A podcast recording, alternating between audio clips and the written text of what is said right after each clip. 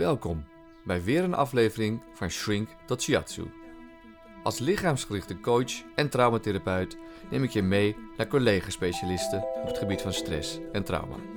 We gaan samen op onderzoek naar hoe je stress en trauma effectief kunt aanpakken. We delen inzichten, oefeningen en je krijgt een uniek kijkje in de praktijk van verschillende therapeuten. Voor meer informatie en andere afleveringen ga je naar alfredpetri.nl. Klik ook even op volgen bij Spotify en op abonneren bij YouTube. Dan heb je alle afleveringen en gratis webinars onder handbereik. Ik wens je veel inzichten en vooral ook veel ontlading van stress. Welkom iedereen. En eh, nu ook dit keer uh, met beeld. En uh, bij de derde aflevering van Shrink tot Shiatsu. En dit keer zijn we, ben ik en zijn we met z'n allen te gast bij, bij Bas. Bas, ontzettend leuk dat je dit wilde doen. En even voor, voor een stuk context en achtergrond. Ik ken Bas als SE-collega, als SE-practitioner, therapeut, somatic experiencing. En hij is ook, Bas is ook, jij bent ook trainer in het, in het bedrijfsleven. Mm -hmm. En ook auteur van een aantal boeken. En straks gaan we het over eentje hebben, misschien mm -hmm. wel, wie weet. En ehm, ja, wat ik eigenlijk wel heel leuk vind om altijd een beetje te beginnen, is... Um, waar, in welk moment in je leven misschien, of door wat voor boeken, of in wat voor fase. Uh, hoe zit het bij jou met je achtergrond en je pad, dat je nu hier bent en zo passievol dit vak uitoefent? Wauw, dat is uh, een grote vraag. Um, ja, er zitten meerdere lagen aan. Ik kan natuurlijk echt heel ver teruggaan naar uh, mijn eerste aanraking met tegenspoeden, wat natuurlijk van alles in gang heeft gezet. Uh, maar ik, ik denk uh, dat dat zou een heel biografisch verhaal worden. Ik denk dat het eerste moment dat ik in aanraking kwam met dit soort nou, methodieken en informatie, um, was denk ik rond mijn twintigste of zo. Zo'n zo tien jaar geleden, iets in die richting. Toen uh, was nog in mijn studieperiode en ik, ik, ik had allerlei, nou ja, ik wil niet zeggen klachten, want ik, ik, ik, ik, ik klaagde er niet over omdat ik me eens bewust was dat het me tegen zat. Maar altijd tijdens mijn studie ups en downs gehad en, en periodes van, nou ja, wat ik achteraf nu wel, met, met de kennis die ik nu heb, echt wel zie als, als lichte depressie. Misschien zelfs iets, iets medium uh, depressie. Die momenten dat ik echt even gewoon helemaal gebrek had aan zingeving en uh, moeite met nou, gewoon echt sociaal contact en relaties. En hoe oud was je, was je toen met die depressie? Um, nou, ik denk, ik denk eigenlijk wel gewoon vanaf de start van mijn studie, rond mijn achttiende begon het al wel. Ja. Echt die overgang in volwassen worden. En da daarvoor had ik ook wel wat dat soort, um, ja, ik heb het woord klachten, maar ik was zo onbewust ervan. Maar ik had wel uh, gewoon heel veel dingen die ik eigenlijk niet kon plaatsen. Dus gewoon heel veel vraagstukken over zingeving. Toen ik een stuk jonger was, nog over, over God en, en het geloof. En, ja, ja, ja. Uh, wat is er waar? Wat is waarheid? Dus ik was heel erg op zoek naar een soort van gronding in iets wat echt waar was. Dat ik echt, echt wist van, oké, dit is echt, dit klopt, dit is waar en dit kan, hier kan ik naar leven. Bepaalde leefwaarden of principes. En die, die, nou, die zoektocht had ik al heel lang. En ik denk rond mijn studietijd, omdat je natuurlijk op kamers gaat en uh, wat meer autonoom wordt of zou moeten worden. Ja, toen, toen kwam het wel echt omhoog dat ik gewoon merkte dat ik, dat ik soms heel moeilijk mezelf kon motiveren. Heel veel procrastineren, heel veel uitstellen veel zorg over de toekomst. Van oké, wat. Ik was niet echt bezig met wat vind ik echt leuk, maar wat, wat is belangrijk, wat is een goede keuze. Ja, ja. Uh, geld verdienen en zekerheid creëren. Dus de eerste paar jaar van mijn studie waren heel erg gebaseerd op keuze. Denk ik wel eerder uit, uit angst en onzekerheid. Van oké, ik wil iets kiezen wat goed is, en wat slim is en verstandig is. Ja, en dat, dat zorgde er eigenlijk voor dat ik niet op het pad zat waar ik, waar ik hoorde. En, en achteraf kan ik dat natuurlijk plaatsen dat daar heel veel van die depressieve episodes vandaan kwamen. Dat ik gewoon even gewoon hele zingeving kwijt was, weinig plezier ervoor, veel in mijn kamer zat. Yeah. Weinig sociaal echt naar buiten treden. Ik had wel mensen die mij naar buiten trokken, gelukkig. Daar ben ik heel dankbaar voor. Dat ik gewoon wat vrienden ontwikkelde in die tijd. En, maar uit mezelf was er niet echt die, die levenssprankel van... Ah, ik ga lekker het sociale leven ontdekken als student en, en dingen doen. Nee. Nou, dat, dat speelden we echt al een paar jaar voordat ik eigenlijk in aanraking kwam met dit soort informatie over SE, Pieter Levine. Ja. ja. En jij hebt ook wel, eh, dat heb je wel eens verteld ook, dat je zo eh, ontzettend eh, in die SE-boeken zat ook. Pieter Levine is een prachtige boeken natuurlijk ook. Ja, ja. En ook een uitnodiging echt ook om, om het zelf te doen. Ja. En toch zei je op een gegeven moment van ja, nu, nu je het echt bent gaan doen en ook dus zelf sessies daarin kreeg met, met, met een therapeute of therapeut, eh, dat het toen pas echt het kwartje ging vallen. Hè? Ik noem geen namen, hè. Me- meerdere therapeuten. Ja. Ja, nou, dat, dat, is, dat is zeker waar. Ik heb, eh, dat, dat is onderdeel denk ik van die hele soort van strijd in mezelf geweest. Dat ik, ik heb heel lang gedacht van, oké, als het echt heel erg wordt, dan ga ik wel een keer naar een therapeut. Ja, ja, ja. Maar tot die tijd ga ik het allemaal zelf proberen te doen. Dus heel veel boeken lezen, heel veel op internet zoeken.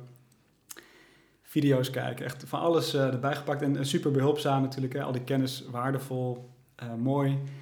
En dat, dat was heel belangrijk, want ik kon plaatsen wat überhaupt speelde. Dus zeker door Peter Levine, die gewoon zo elegant omschrijft van dit is hoe je lijf werkt, hoe je biologie werkt. eh, hoe bepaalde signalen een bepaalde betekenis hebben, eh, die heel pla ja, te plaatsen valt.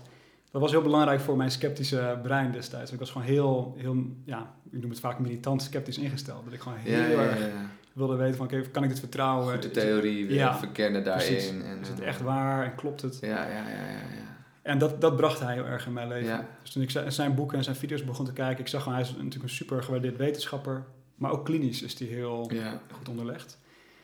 En, nou, Levine, hè? Pieter Levine, ja. Ja. En, dat- en toen heb ik eerst nog een tijdje hè, zo'n online cursussen gedaan. Nog steeds heel veilig, maar in mijn eentje. Eh, want ik, ik vond het toch een hele grote stap om in therapie te gaan. En uiteindelijk, mede met wat, wat carrièreveranderingen, besloot ik van... ik wil echt dit pad op gaan. Dus echt meer dat mensenwerk gaan doen. Ik was in die tijd, ben ik opgeleid tot ingenieur. En dat, nou, ja, dag één na het afstuderen besloot ik al van... ik, ik wil geen ingenieur zijn. Nee, nee, nee.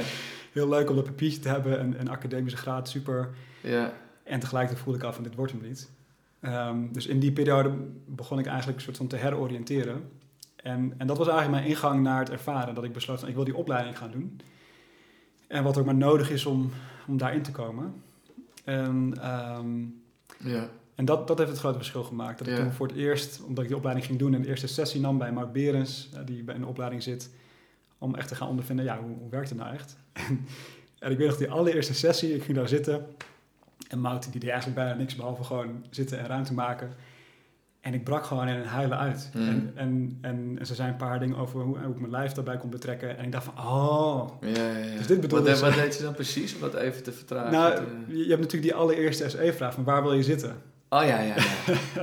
En ik denk dat nog Op niemand... welke stoel? ja, welke zo. stoel en waar wil je dat ik ga zitten? Echt gewoon het hele respectvolle. Ja, Nou, en dat had ik mijn hele leven nog nooit meegemaakt. Nee. Iemand gewoon zoveel eh, ruimte voor mij maakte. Ja. En, en echt eh, die attunement, die afstemming... ja, ehm, nou, in die relatie bracht van, wat, wat heb je van mij nodig om, om Ja. hier te zijn? Ja, dat was echt gewoon een totale, zo'n wauw, van, oh, dat dit kan. ja, Dat was echt heel bijzonder. ja. Dus Zo, dat zo, zo simpel ook. Hè? zo simpel, ja, Ja. dat is echt het is ongelooflijk. En dat is denk ik ook wat mij, De oriëntatieoefening noem ik het maar even. ja, de oriëntatieoefening, en dat heeft mij heel goed op een verkeerd spoor gezet. Dat ik door die boeken van Pieter Levine, waar ook natuurlijk weer meer de theorie in zat, ging ik heel erg zo moeilijk over nadenken van, oh, het zenuwstelsel en het brein. Dus ik ging heel erg die kant op. Ja, Terwijl eigenlijk is zijn, zijn theorie heel erg een onderbouwing voor de eenvoud van ja, hoe het werkt. En, Ja. en dat kwam echt toen ik bijvoorbeeld bij Mout die eerste Ja. sessie nam en bij andere therapeuten ook. Nice, ja. ja. En nu zit je hier. Nu Hoe is het eigenlijk om hier hier. in je, Ja. Je eigen appartement Hmm. in, eh, in Amersfoort te zitten met een eh, Ja. soort eh, tv-podcast-studio nu? Nou, het is bijna onherkenbaar. We hebben, Ja. De kijkers thuis zien het niet, maar het is echt helemaal omgebouwd. Normaal staat hier een bank. Ja. Ja. Het is, het is grappig. We zitten in de coronatijd voor de mensen die misschien later kijken. Dus het is echt mijn dagelijkse stekje hier. Ja, En nou goed, ja, Alfred kan het zien. Het is niet een heel groot appartement, wat op zich prima is, maar het is... eh, overigens wel genoeg voor de anderhalve meter hoor. Voor de, ja, we zitten hier helemaal overheid als je kijkt. Niks aan de hand, geen boetes.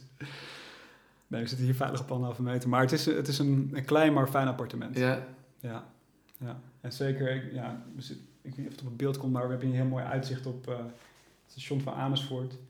ja. Het is een beetje mijn, eh, mijn uitvalsbasis voor alles wat ik doe. Ja. Dat ik hier gewoon, Gewoon zitten. Ja, en dit oriënteren dus, waar, jij het net over had. Dat, eh, Ja. nee, jij geeft natuurlijk ook SE-sessies en, eh, en ik ook. Mhm. En, en, en dat is eigenlijk een, een, zo'n mooi startpunt elke keer. En ook tussendoor weer. Van, ja, om, om je systeem weer bewust te laten zijn van, oh ja, ik ben hier. Ja. Ik zit in een ruimte en ook die beweging te maken. ja, En ik voel de stoel. Dat is niet alleen maar een soort van tot rust kom oefening, maar het is ook daadwerkelijk dat je lichaam het signaal krijgt dat je veilig bent. En, Ja. eh, ja, voordat we net gingen zitten, we hadden inderdaad de boel omgebouwd. Helemaal. En dan gingen we toch eventjes van, nou, zullen we maar even toch gaan oriënteren. ja, met de actiemodus. Eh, ja. dat vind ik wel een van de, een van de rijkdommen van wat SE brengt. Het fysieke en kijken en oriënteren, dat dat dus je in het nu brengt en tot je zenuwstelsel tot rust brengt. Dat vind ik Ja. wel, eh, is een fijne oefening. Ja, dat is, het is echt. Ehm, dat is ook bijna het moeilijke aan ons werk. Het is zo eenvoudig dat Ja. mensen het niet altijd geloven in het begin van. Ja, Ja, ja, oké, de oriëntatieoefening, maar waar is nou de echte, ja, de echte magie? En ik ben daar zeker een goed voorbeeld van. Dat ik dat heel lang. ja, ja, ja. Dat ik het zocht in de complexiteit en de ingewikkelde oefeningen. Maar juist gewoon hier zitten en eh, ja, gewoon, gewoon eh, de, de neiging is om te zeggen van zi- zitten en kijken, maar het is, het is nog simpeler om gewoon eigenlijk niks te doen en je Ja. lijf te laten kijken en je Ja, ogen precies. te laten kijken. Echt het zintuigelijk, hè? Ja, En ook qua voelen, dat je, dat je de zintuigelijk voelt. Dus ik voelde de Ja. stoel onder me, ja, onder mijn billen en benen. En, en in de rugleuning voel ik ook wat. En ik voelde ook daar wat warmte. En allemaal dat soort, dat soort termen, dat zintuigelijk is zo essentieel. ja, ja, Eh, essentieel voor het wat loskoppelen van iets heftigs. Zoals bijvoorbeeld soms een boosheid of zo. Ja. Dat vind ik zo bij mezelf ook nog steeds. Als ik wel eens dan eh, boos raak. En dat gebeurt nog, nog steeds. het zal Ik altijd zo nooit blijven. boos, nee. Grappig dat ik dat zeg van nog steeds. Maar eh, als ik dan Ja, dat is, boos... het is eigenlijk ja. wel mooi dat je dat zegt, want Ja, ik merk dus sinds de hele SE-opleiding en al mijn therapie dat ik juist meer boos ben. ja, En ik denk dat, dat je het er vast mee eens bent, dat, dat is eigenlijk een goed teken. En zeker omdat ik in het grootste van mijn leven heel veel, hè, we het vast nog wel over hebben, over in die freeze heb geleefd. En die immobiliteit. Het eerste moment dat je weer boos kan zijn, is eigenlijk heel fijn dat die energie er komt. En, eh, dus het, voor, voor mensen thuis klinkt het van, oh, zijn ze de hele tijd boos? Dat, dat werkt niet in die methode.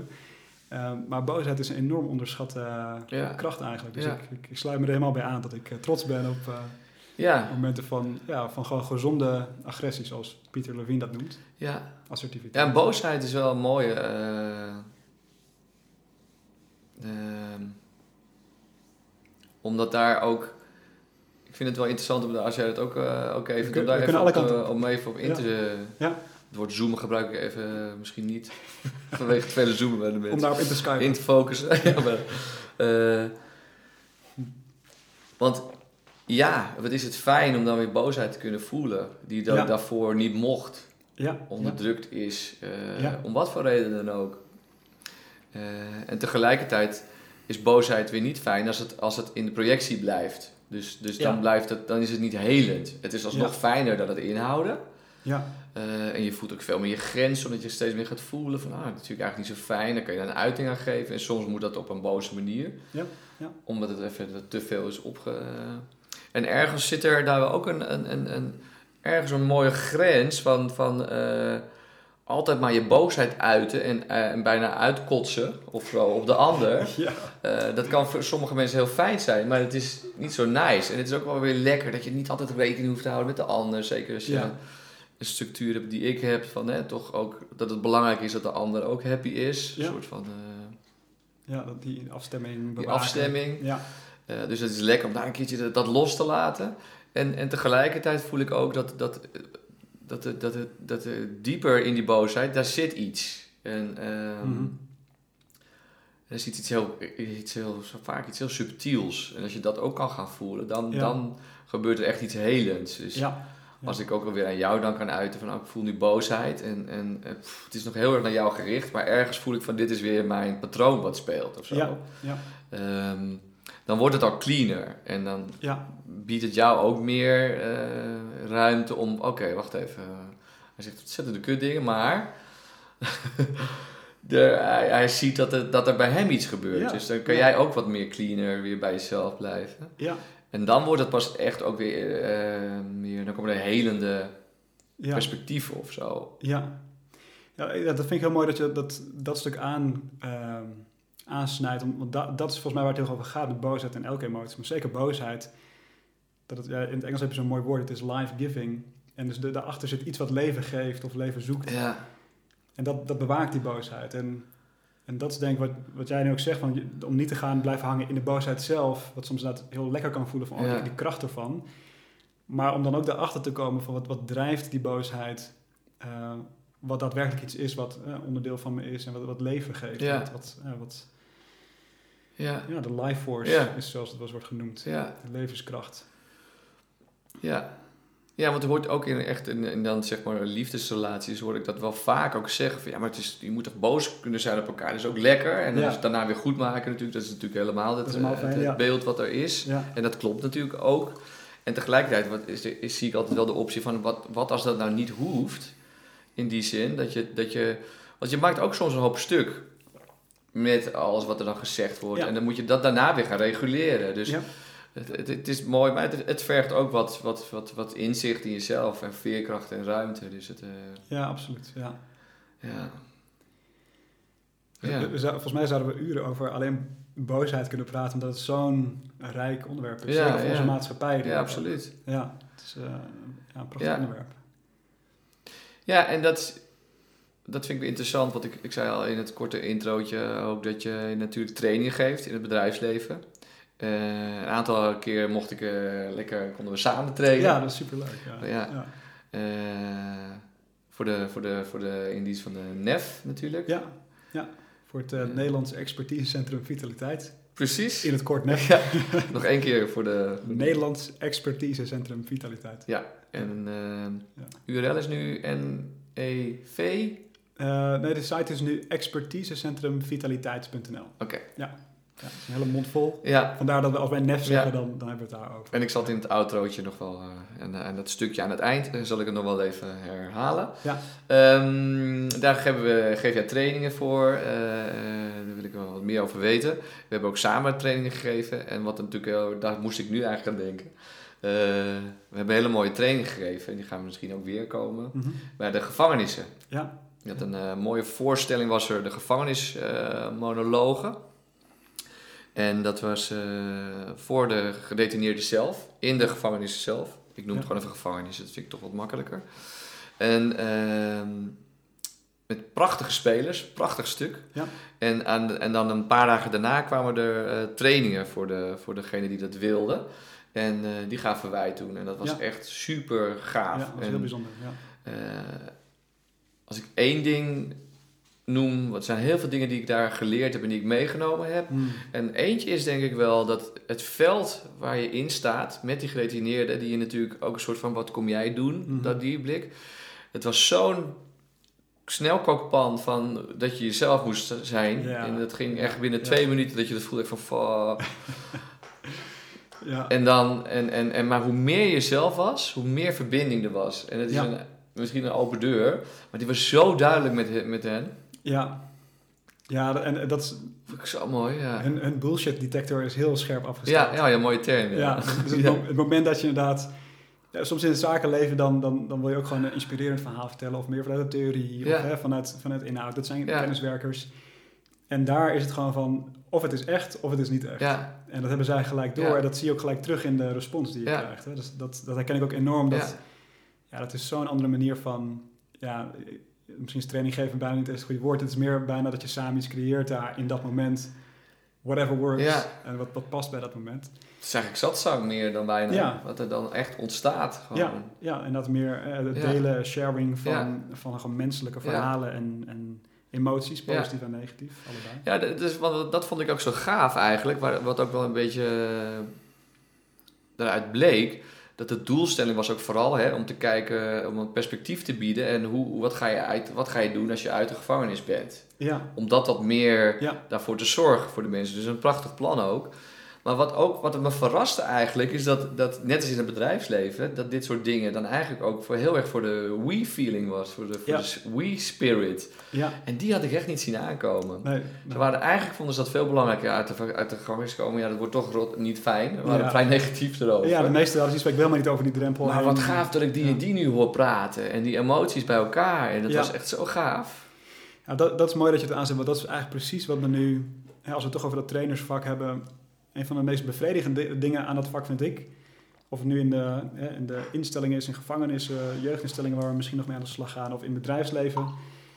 Dat je uiteindelijk eh, de kans hebt om met een groep mensen de gedeelde menselijkheid terug te vinden. Ja. Die, die, de shared humanity, wat, wat, wat ik altijd een heel mooi eh, onderdeel vind van compassie, als een breder begrip, dat de, de gedeelde menselijkheid, common humanity, dat, dat kun je echt met elkaar vinden in zo'n zo'n uur, twee uur, dat je echt wat meer over de echte verhalen gaat praten en ook gewoon emoties die iedereen heeft, van, van schaamte en angst tot aan ook levensplezier en of, of het verlangen naar je gezin of partner, wat daar ook in opkomt. Met welke groep je ook zit, als je dat kan, ehm, kan aanraken en tot, tot leven kan brengen met elkaar, dan, dan heb je eigenlijk al die tools en modellen niet echt meer nodig. En Nee. dan gaat het vooral daarom, en dat die we-spirit van dat je samen voelt. Ja. Ja. we zijn gewoon allemaal mensen. Ja. Ja, Ja, dat hebben we ook wel een paar keer meegemaakt in die gevangenissen sowieso. Maar ook bij meer bij, man- bij managersgroepen, zeg Ja. maar, om het maar even zo te noemen. Dat Ja, op een gegeven moment... op eh, kantoor inderdaad. Eerst ben ik nog eh, de man met het knotje. En, en een paar goede grappen erover zelf ook. En, en, en je wordt steeds meer gewoon één, alle twee weer meer gewoon gelijkwaardig mens. Ja. En dan vallen die filters weg. Ja, En dat is natuurlijk ook wat mooi van dit soort trainingen geven ook. ja en het is een gek eh, woord, training eigenlijk ook voor dit gebied. Maar het is eigenlijk meer de, de, de condities scheppen dat we met elkaar volledig onszelf kunnen zijn. Ja, Maar dat voorkomt natuurlijk slecht. dus dat is nu zo toch wel wat daar, kunnen we het ook nog hebben over vandaag marketing, Ja. want dat is, dat is in ons vak heel moeilijk.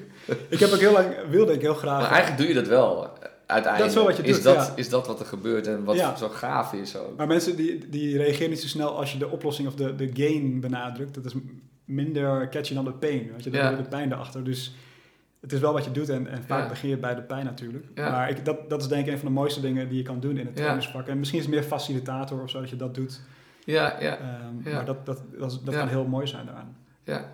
En, en misschien nog wel mooi als link met somatic experiencing en andere therapievormen. Ik denk dat eh, voor mij in de, de jaren dat ik door die opleiding ben heen gegaan en, en die persoonlijke leersessies heb gehad, eh, juist door mijn eigen nou ja, menselijkheid heen, heen reizen, al die, die ervaringen van, nou ja, ik heb ongelukken meegemaakt en relationele dingen en ja. hoe meer je daar eh, op een natuurlijk hele fijne manier met SE doorheen werkt. eh, soms, En wat bedoel je met doorheen werken? Wat is daar? ja, gewoon echt het verwerken. Dat je, dat je eigenlijk eh, elke keer in zo'n sessie kijkt natuurlijk van nou, wat speelt er nu in je leven? En dan, kom je erachter van hé, hey, bekend patroon, dat komt ergens vandaan. En dat je gewoon heel geleidelijk dat begint te integreren van oké, dat heeft te maken met die relatie van vroeger of met een ongeluk die ik heb meegemaakt. Kun je een voorbeeldje geven? Als dat Ja, is? zeker. Ja, ik, ik kan, ik kan er te, Nee. te veel geven. Ja, nou, eentje die er nu, dat je denkt van, oh ja, dat Ja. is wel... eh, Ja, en misschien voordat ik da- daarin duik, Ja. de, eh, het punt dat ik da- daarmee wilde maken is dat ehm, doordat ze verschillende ervaringen heen werken, heeft voor mij een soort van spectrum geopend van menselijke belevingswereld en ervaringen, die het makkelijker maken met groepen en trainingen of eh, in facilitatiewerk, om daarop te vertrouwen. Van we zijn allemaal mensen hier. ja, ja, en omdat ik dat zelf gevoeld en ervaren heb, weet ik dat zij dat ook kunnen ervaren of al ervaren hebben. Ja, Dus dat, dat helpt mij heel, dat persoonlijke stuk helpt juist heel erg in die groepen. ja, En Ja. misschien om daar een voorbeeld van te geven. Ehm, ja, er zijn er zoveel. Maar een, een hele concrete voor mij is... Ik heb op mijn zestiende een, een auto-ongeluk gehad. Ik zat zelf op de fiets, maar ik ben aangereden door een auto. En destijds geen flauw idee dat het een, een, een impact laat ik Ja, even ja, eerlijk ja. zou hebben. Omdat ik er goed vanaf ben gekomen. Ik, ik, ik zat op de fiets en er was een auto. Die had eh, met van de zon heel veel tegenlicht, dus je zag mij niet. Dus die reed met 20 of 30 km per uur aan. Nou, zwart, oh, beeld op zwart en daarna lag ik opeens op de grond. Mm, ja. En, en godzijdank helemaal niks eh, fysiek aan de hand in ieder geval. Dus ik was met mijn tas gevallen, dus het was helemaal, helemaal oké fysiek gezien.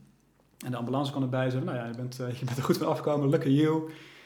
Politie bracht mij naar huis en, en daar een beetje soort van nog wel licht rillerig en zo, weet je, die, die shock. Ja, ja.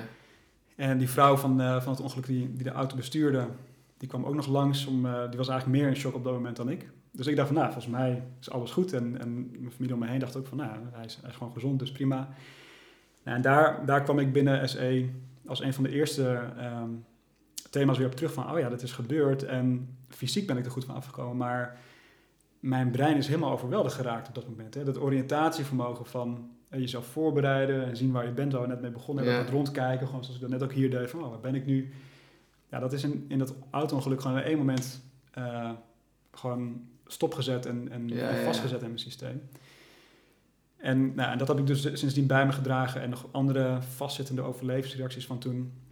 eh, wat op allerlei manieren invloed Want wat is dan vast gaan, gaan zitten?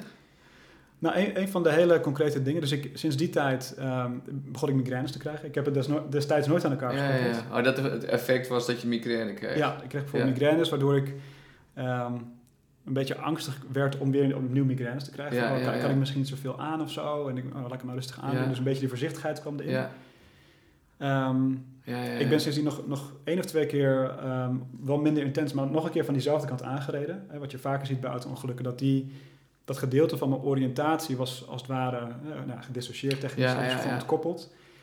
Ehm, en überhaupt, mijn, mijn, de verwerking van mijn brein was, was wat onregeld. Dus ehm, dat heeft natuurlijk met de migraines ook te maken, maar ook gewoon momenten van gewoon even wegspacen. Hè, dat je gewoon wazig wordt. ja. Waarvan ik altijd had gedacht van, ah ja, dat, dat hoort gewoon bij mij of zo. Dat zal wel aan de, eh, te veel suiker gehad of zo. Of, het, Ja, of een ja, ja. Ja, ja, Dat, dat is hoe, hoe mijn brein, eh, zoals elk brein dat verklaart. Of, oh, er is een reden voor. ja. ja, je Ehm, wilt het verklaren. je wilt het verklaren. En die zoekt het dan heel, ik zag het heel vaak in, in de medische dingen of in de lichamelijke dingen. Wat eh, heel logisch is als je gewoon niet die koppeling maakt met iets emotioneels of, of een ongeluk. Ja, Nou, en dat, dat heeft gewoon heel veel, op heel veel vlakken in mijn, in, in mijn lijf en in mijn geest iets gedaan. En dat ben ik pas jaren later gaan verwerken. En daardoor weer meer van mezelf eh, gaan, gaan terugvinden, lichamelijk, emotioneel.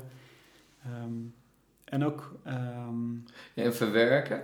Ik, sorry dat ik steeds Ja, op zo op de woorden, want ik vind het wel interessant. Van, ja, Dan praten we natuurlijk vaker over Ja. verwerken en een loslaten. beetje jargon, hè? Dat, eh, Ja, en ook, ook wel, ja, ook wel ook volkstaal bijna, weet je wel. Van, eh,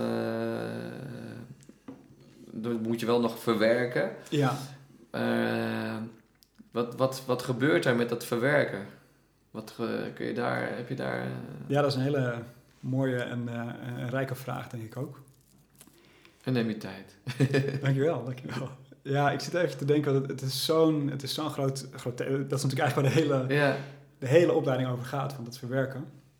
Ehm, maar de- misschien de meest simpele manier die ik heel mooi vind, hoe Pieter Levine dat wel eens uitlegt en, en andere experts, als je gewoon heel simpel nadenkt over bijvoorbeeld een, een, een sneeuwbol, weet je, die je vroeger had met, met water in en sneeuwvlokken.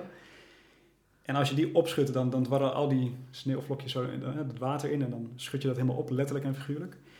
En een manier om, om dat tot stilstand te laten brengen is letterlijk dat te laten bezinken. En dat is gewoon dat bolletje stilhouden, dat alles naar beneden dwarrelt. ja, En, en daar zit voor mij iets heel essentieels in als het gaat over verwerken en over integreren. Dat dingen op een plek vallen. We hebben allerlei gezegdes daarover. Dat dingen laten bezinken, dingen op een plek laten ja, vallen. ja.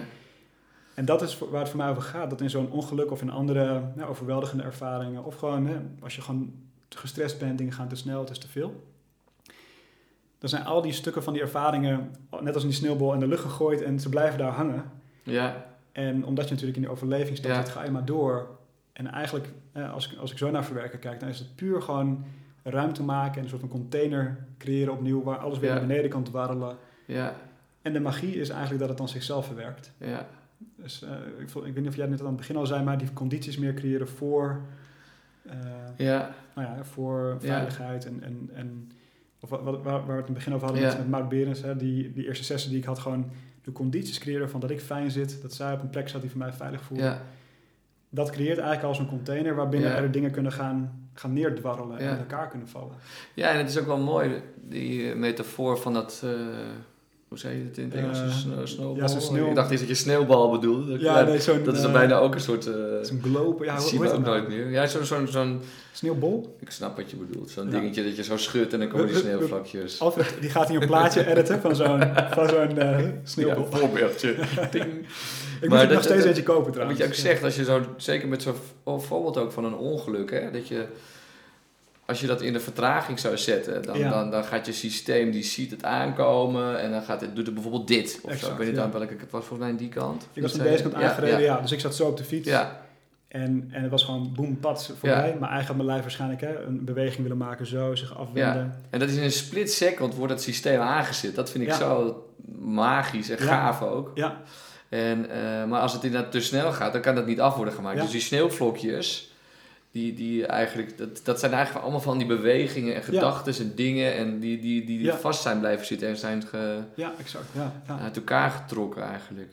ja, en alsof ze in de lucht worden gegooid en daar blijven hangen dan. Hè? Precies, precies, ja. Dus, eh, en of, alsof, alsof je die bolle hete Ja. blijft schudden als het Ja. ware. Wat ik letterlijk natuurlijk zo voelt. hè. Ja. Het aan mijn hand. Het is gewoon de hele tijd die vibratie, die trilling in je systeem van die energie. En, en je legt het helemaal uit en van al die vlokjes die kunnen symbool staan voor gedachten, voor beelden, Ja, gevoelens, lichamelijke reacties. Ja, die allemaal gewoon eigenlijk al in de voorbereiding zitten, Ja, precies. maar die niet afgemaakt kunnen worden. Nee. Of zo, niet door het, door het gebrek aan tijd. Exact, ze, ze landen niet meer. Ja. En Ja, nou, ik heb het geluk gehad dat ze na iets van tien jaar later begonnen te Ja. landen. Maar er zijn mensen die, decennia lang met zo'n sneeuwbal al die stukjes in de lucht blijven rondlopen. En, het, en het landt maar niet, want die Nee. veiligheid komt niet terug. Die komt precies. Ja. Ja. Ja. Ja. en door die veiligheid kunnen, kan het inderdaad lekker landen ook. En, en, en, eh, en ook, wat ik ook wel gaaf vind van eh, met eh, SE, dat je, en misschien ook met andere vormen hoor, dat je dat zo op die manier doet, maar dat je al die, die losse stukjes, dat je die, als je daar aandacht aan geeft, Ja. dat die weer zeg maar uit hun vries komen, zeg maar. Ja. En dan ook weer kunnen gaan dalen. Ja, dat is ook een mooi... en dat is eigenlijk door, het, door, door, door steeds weer dat zintuigelijke, Ja. dat voelen en sensen van wat er Ja. is. Ja. En dat, eh, dat het weer geassocieerd kan worden ja, en dat het weer terug kan komen in de, in de stroom van de rivier. Ja, ja, precies. Ja, ja dat, dat, dat is voor mij een van de meest magische dingen. Dat het, eh, wat je zegt, het, is allemaal, het hangt allemaal in de lucht, die stukjes. En Ja. zijn bevroren inderdaad, hè, door de freeze-ervaring. En, en wat me nog steeds fascineert, dat je eigenlijk dus juist door niks te doen, ze bij elkaar laat komen. ja, ja, ja. ja. Dus dat- juist doordat we in die aanstand blijven staan en heel hard blijven werken en dingen doen, ja. blijven ze daar hangen. Moeten ze daar een soort van bevroren blijven. Maar juist door even niks te doen en iemand bij je te hebben zitten die heel veilig voelt en veiligheid creëert, ja. begint je lijf het zelf te doen. En Ja. je brein gaat zelf aan de slag met die gedissocieerde stukjes om ze te herassociëren. En, en wat jij volgens mij net ook al zei, onze taak is vooral die, die time stretchen dingen hè, vertragen, vertragen, vertragen. ja. Ik had vandaag nog een, eh, een cliënt met een enorme eh, high impact eh, ongeluk, dus een enorme klap, meerdere keren ook. ja. Ehm, en en het, het- het- ja, het staat in, eh, in onze training is het honderden keren genoemd. Het staat in de manual. Pieter Levine blijft herhalen. Eigenlijk het allerbelangrijkste is gewoon die vertraging. Die, Ja. titratie en het heel langzaam aandoen. ja. Dat, dat maakt het grote verschil. Ja. en, en dat vind ik nog steeds een van de moeilijkste dingen ook. Omdat ons leven gaat zo snel in het algemeen al. En ik, ik merk dat ik ook nog steeds bewust daarbij stil moet staan. Ja. Ik moet echt ook echt zelf even weer een paar versnellingen terug. ja. Voordat ik iemand anders kan helpen om ook Ja. weer een paar versnellingen terug te gaan. ja. Ja. Ja, dat vertragen inderdaad, ja. En ook al wel, concreet nu dat we zo op dat ongelukvoorbeeld zijn gekomen, ook nu weer met die, met die cliënt van jou ook. En, Ja. ehm, Ja. eh, als je zo'n ongeluk hebt gehad en je bent dan, daar schrijft hij ook over, volgens mij inderdaad, over dat er iemand was voor hem Mm. na de ongeluk, Ja. die heel warm voor hem was. Ja, ja. heel veel fijne social engagement. Ja, En, en, gewoon een hand volgens mij, hè, die die vasthield of zo. Ja, Ja, en, en een soort stemgeluid of een Ja, soort stem. moederlijk ge- geluid. Of, Ja, het kan zo simpel zijn. Ja. en, en waardoor hij toen uit die eigenlijk freeze kwam, of hyperactiviteit. Nou, volgens mij was het echt wel freeze ook, Ja, nog een ja. shock. ja. En, en, en door die, dat hij daaruit kwam, dat het dus nu weer veilig was. Het systeem voelde, oh, het is weer veilig nu kennelijk, door dit Ja. gesprek of contact met die vrouw. ja, precies. Eh, en toen ging die trillen en, Ja. en, en dan ging het releasen. Dus, Precies, eh, ja. ging, het, ging het sy- systeem vanzelf die energie releasen. En dat heeft voor hem gebracht dat hij geen last had van PTSS. Ja, hij zegt van ik ben heilig overtuigd dat dat het verschil gemaakt heeft. Ja, ja. Ja. dat is heel mooi. Ja.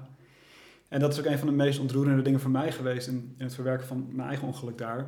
Eh, dat eh, het, het eerste moment dat ik mijn ogen weer opende en op de grond lag, gelijk kwam erbij ook een man of een vrouw, ik weet niet meer zeker of het een de eerste persoon was volgens Oh, mij een ja. man. En Ja. er nog wat andere mensen. Eh, die gelijk eh, naar me toe kwamen met telefoon en oké, ik bel je vader. Dus gelijk die, die menselijke bedding eromheen. Ja. Dat heeft wel een verschil gemaakt Ja. ik. En, en hoe, hoe vast het zich heeft gezet in het systeem inderdaad. En ik weet nog dat ik daar lag en dat, ik, de eerste ontlading kwam al via tranen die begonnen te komen. En, en een vriend van me die, die fietste langs. En die keek zo van boven naar mij van, wow, wat is hier gebeurd? En ik van, oh, nou, het gaat wel, weet je. Ik probeer er Ja. nog een beetje soort van, Ja, dat ook, hè? Dat oh, het, een, het gaat allemaal goed hoor. apart mechanisme is dat. Ja, Dat, dat- dat- zeker toen was het nog heel sterk voor mij. Gewoon vooral doen dat er niks in de hand is. Maar ja. ik had geen flauw idee Nee. wat me eigenlijk was overkomen. Maar toch was mijn lijf al bezig met die eerste shock al een beetje ontladen met, met Ja. tranen en zo. Omdat er, gewoon, er waren gewoon mensen bij. Precies. Dus ik lag daar misschien midden op een kruispunt, maar Ja. wel met mensen om me heen. Ja. En dat, dat heeft echt een verschil Ja. gemaakt. Ja. En nu weer, hebben we het over een ongeluk. Het is iets heftigs. Ja. ja. Ehm, en, en, en, heftigere, en heftige andere traumatische ervaringen. eh, ik ga ze niet allemaal noemen, want dan gaan we daar focussen. lijst, ja. En eh, ik denk dat we dat allemaal wel begrijpen. En wat jij ook noemde net, en dat heb ik zelf ook meegemaakt, dat ik, eh, ja, ik ben wel geïnteresseerd erin. Ja, ik ben, ik, volgens mij kan het wel gelukkiger of fijner, het leven. ja.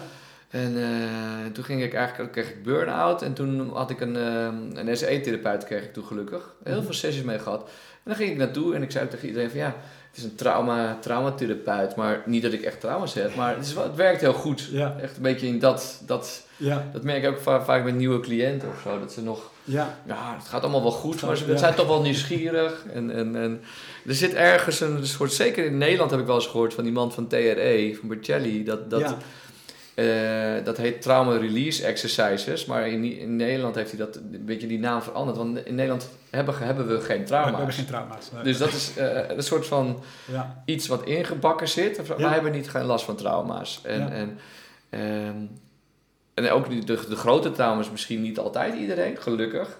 Maar ehm, ik zie trauma ook als een kleine upset of zo. Of, eh, iets Ja. dus Stel je, eh, of stel, dit is een voorbeeld uit mijn jeugd, van je wil als klein kindje helpen met, met de koffers inpakken bij de auto van je, met de vader. En hij is gestrest voor de vakantie en hij snauwt je af en je mag niet meedoen, want eh, je doet het toch nooit goed. Ik Ja. maar wat. Ja. Is geen groot trauma. Ik bedoel, eh, een beetje, een beetje Calvinistisch van, joh, hè, daar eh, word je hard van, daar word je goed ja, van. Ja. Maar, maar toch zijn het dingen die je soms weer ook ehm, nog kan herinneren. Van, oh ja, wauw, dat was toen wel eigenlijk best wel pittig voor Mhm. mijn ja. kinderbewustzijn. Voor de jongeren zelf. Voor ja. je jongeren Ja, zelf. ja. En, en, en eigenlijk wat we net ook zeiden met zo'n ongeluk, dat het net allemaal... eh, ja, dat doet ook wat. En, maar er is Mhm. geen tijd geweest om daarmee te zijn als kindje. En, Nee. en, en toch spaar je dat allemaal een beetje op. Ja, ja, ja. Of je krijgt dan weer genoeg ruimte, dat het genoeg heen en weer gaat. Weer, dat het weer gezellig wordt en Ja. dat het dan weer herstelt. Tuurlijk, Ja. dat is, kan ook. eh, maar het hoeft niet per se een heel groot iets te zijn. Nee, Dus, eh, Nee. Maar ik vind het wel mooi om te zien dat er ook mensen... eh, en opmerkelijk om te zien dat er eigenlijk heel veel mensen binnenkomen van... eh, ah, ik, gewoon een beetje zelfonderzoek. En dat is een prima ingang. Ja, En, eh, Zeker, ja. en de een komt wel van, ja, ik kan, echt niet meer, eh, ik kan niet meer slapen en ik heb angstaanvallen. En, eh, ja, echt een meer traditionele... ja, precies. En, en dat is denk ik het mooie van wat... Pieter Levine komt vaak langs natuurlijk omdat hij pionier is. Maar hij, hij geeft aan, toen hij begon trauma te onderzoeken en mee te werken, bestond trauma eigenlijk helemaal niet. Nee. Hij, hij leefde in de tijd dat het hele woord was nog niet eens bedacht, in ieder geval niet gebruikt in die Ja, zin. ja, ja. PTSS bestond niet als diagnose. Dus hij zegt ook heel vaak in zijn interviews: Ik wist niet dat trauma een ongeneeslijke breinziekte zou moeten zijn. Hè? Dat, het, dat het dat zou gaan worden. En dat bleek het voor hem dus ook niet te zijn, dat je daar werk- daadwerkelijk mee kan werken. Ehm, en een van de dingen die, die veel mensen niet weten over Pieter Levine, die ik fascinerend vind over zijn, zijn eigen ontwikkeling. Toen hij zijn eerste, of misschien was het zijn tweede PhD of zo, toen hij zijn onderzoek deed, zijn PhD, de titel van ging over accumulated stress. Dat was een naam die hij daar aangaf. Dus het, het trauma bestond niet, dus de term die hij daar aangaf was opgestapelde stress. En dus niet eens, eh, ook natuurlijk eh, hele heftige ervaringen zoals een ongeluk of iets dergelijks, maar Ja. ook gewoon het feit dat je als organisme herhaaldelijke momenten hebt van gestrest raken, keer op keer maar weer. Eh, Ook bijvoorbeeld in een gezin, wat je net als voorbeeld gaf, als je gewoon ouders hebt die, ook al houden ze van je, maar die gewoon zelf gestrest zijn of Ja, eigen, ja. eigen moeilijkheden hebben, dan eh, misschien mishandelen ze je helemaal niet of zo. Het is niet van die hele intense dingen. Maar continu de herhaling van stress stapelt het op. En, en dat is waar Pieter Levine's originele werk over ging, accumulated stress. En dat kan nog steeds, dat zelfregulerende vermogen dat iedereen heeft, nog steeds overweldigen op den duur. Waardoor je niet meer terugkomt in die fijne balans, de sociale betrokkenheid. Ehm, en, en dat vind ik heel mooi, omdat eh, zijn uitgangspunt was dus niet eens per se shocktrauma per se, maar gewoon überhaupt eh, de overbelasting van je organisme, door wat voor manier dan ook. Ja, ja, precies. En de mechanismes erachter zijn eigenlijk gewoon hetzelfde, Ja. Maar ze variëren natuurlijk in intensiteit Ja. en extremiteit. En de, is dat ook uh, wat jou betreft, die, die opgestapelde stress, is dat je dan ook steeds zo hyper wordt en hyper blijft? Dat je maar door blijft gaan? Ja, dat, uh, Pieter Levine die heeft weer heel veel uh, onderzoek geleend van een, uh, een Duitse fysioloog, Ernest Gellhorn. En die heeft best wel cru onderzoek gedaan, maar heel waardevol, naar een fenomeen dat noemde hij tuning. Van het tunen van een systeem. En dat is een radio, die tune je naar een bepaalde frequentie. En hij heeft aangetoond met onderzoek met, met dieren, gelukkig niet met mensen, maar ook met dieren is het niet zo heel, heel ethisch meer tegenwoordig om dat te doen. Als je die herhaaldelijk um, in een hele stressvolle situatie plaatst, dan tunt hun zenuwstelsel richting wat eh, vaak het gaspedaal wordt genoemd, het sympathische zenuwstelsel. Dus door keer op keer in die stressrespons te komen, gaat het gaspedaal de hele tijd uh, blijft langer aanstaan als het ware. Om te vechten en te vluchten eigenlijk. Ja, het, het wordt daarheen geconditioneerd, zou je kunnen zeggen. Het is net iets anders mechanisme, maar het, het tuned, het stemt toe. Het, um, het stemt steeds meer af naar het gaspedaal. Ja, ja, ja. En het kan niet meer terugkomen naar de remkant, hè, de parasympathische kant. Waardoor je dus die, die balans kwijtraakt van zelfregulatie, van die golvende pendulatie, zoals Pieter Levy dat noemt, die zorgt voor gezondheid, vitaliteit. Ja. Pendulatie, even voor de allemaal, allemaal vakjargon dat hier... Uh, geen SE-therapeut zijn.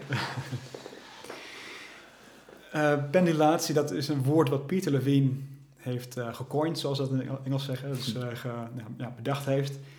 En dat is een term die hij geeft aan de natuurlijke impuls van ons zenuwstelsel om heen en weer te gaan tussen polariteiten.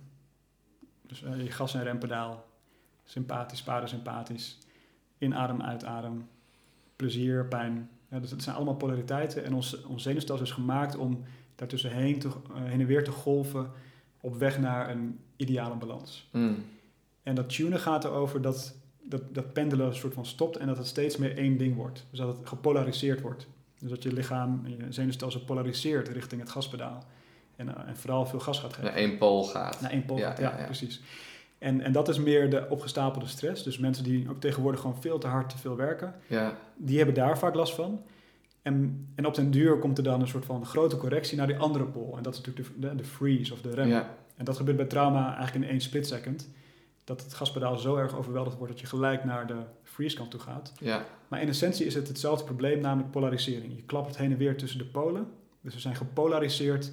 En daar heb je dus geen vloeiende relatie tussen de twee nee. Nee, nee, Dus je hebt dan, dat is, ook die veer, is dat ook de veerkracht dan eigenlijk, denk ik? Ja, ja precies. Die veerkracht zit hem in van als je daarheen gaat, dan weet je zeker dat je ook weer daarheen gaat. En dat herstel je eigenlijk weer. Ja, precies. Dat heen en weer schommelen. Wat, als je, als je, voor de kijkers, je ziet het Alfred en mij doen. We zijn aan, we zijn aan het pendelen. Zo van het wieg. En SE-therapeut hebben allerlei tools en, en speelse dingen om dat te laten zien. Je hebt zo'n mooie bol die, ja, die ja, uitgaat. En, nou, je kan allerlei symbolen bedenken. Maar die beweging is volgens mij de essentie van wat wij doen. Om te kijken van waar is die, die heen en weer beweging tussen eh, allerlei polariteiten. Of het nou gaat over je gas- en je rempedaal. Ja. Of verbinding. Of uh, uh, wat is het tegenover van verbinding? Disconnectie. Connectie, ja, disconnectie ja, is misschien mooi gezegd. Wat het ook is, ergens zit het, is die soort van die schwung vastgelopen. Of schijnbaar vastgelopen. En, en, wij zoeken natuurlijk van hoe kunnen we die soort van helpen in beweging komen. Ja, en het is ook heel moeilijk om, om, om uh, in, je, in je eentje uit zo'n vlies te komen. Ja.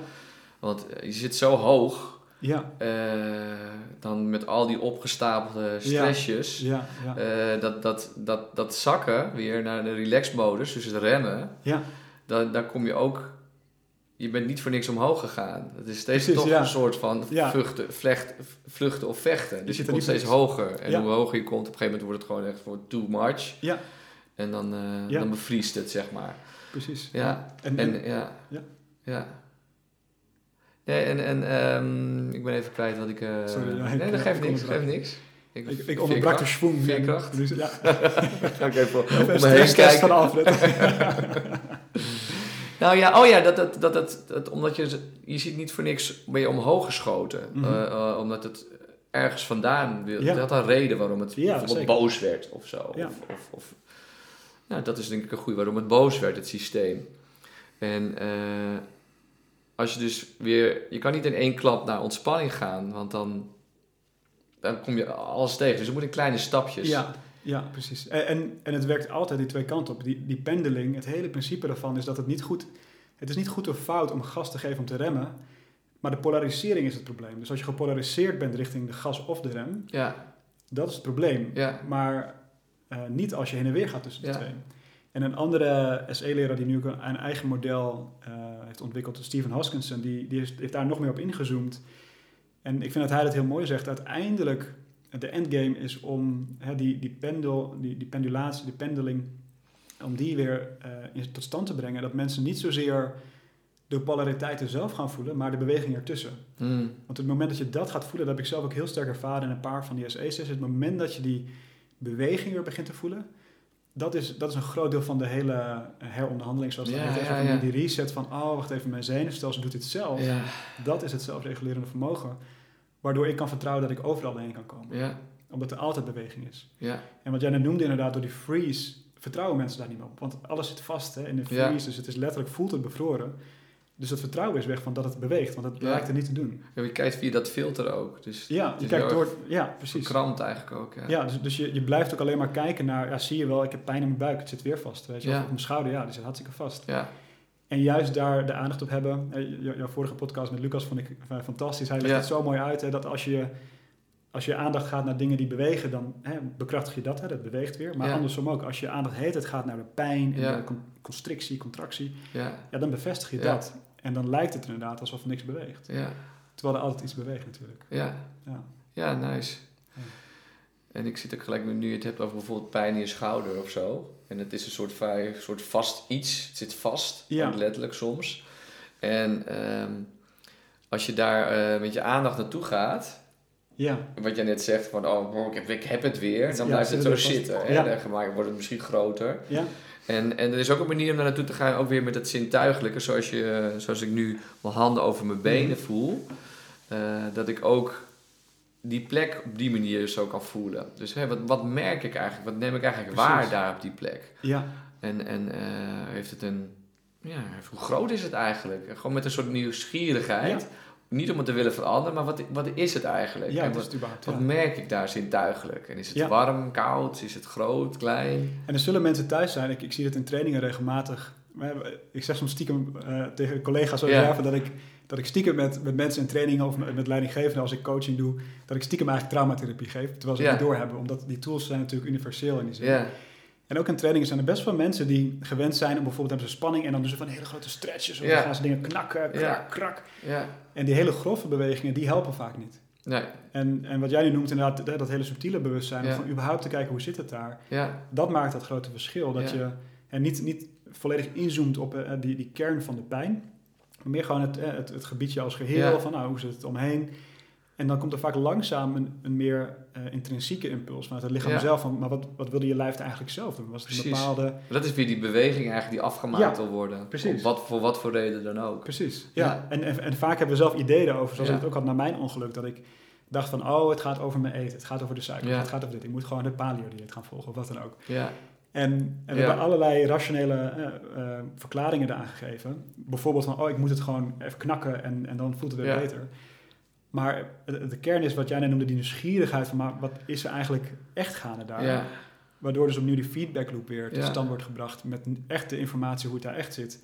Wat heel anders kan zijn dan dat we dachten. Ja. Dus misschien in plaats van dat, je, hè, dat het een grote stretch is, is het misschien wel een draaibeweging in je nek. Oh, dat had je misschien niet verwacht. En dan, ja, of het bewegen van je grote teen. of beweging in je grote ja, Het, het hele netwerk van je lijf kan meedoen.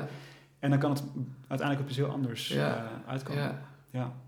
Ja, ik denk dat ook, dat ook wat, wat, wat ik vaak merk, ook, en vroeger ook bij mezelf, dat het. ehm, je bent gespannen soms en dan wil je gaan ontspannen.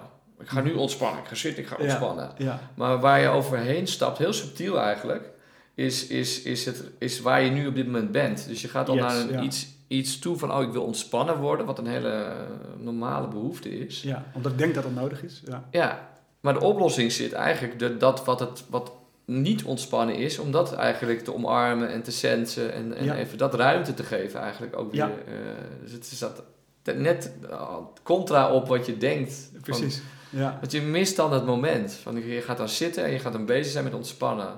Terwijl je mist wat er echt hier speelt en wat er eigenlijk hier aangegeven wordt wat nodig is. Exact. En ik, ik merk die impuls ook nog steeds gewoon bij mezelf. Na eh, een veel te drukke week heb ik toch te veel gedaan. dat, dat wordt ook wel die negativity bias genoemd, hè, de, de bevooroordeling van problemen en negativiteit. Oh ja. Dat ik denk van, oh ja, het is dit of dat probleem, dus dat is de oplossing.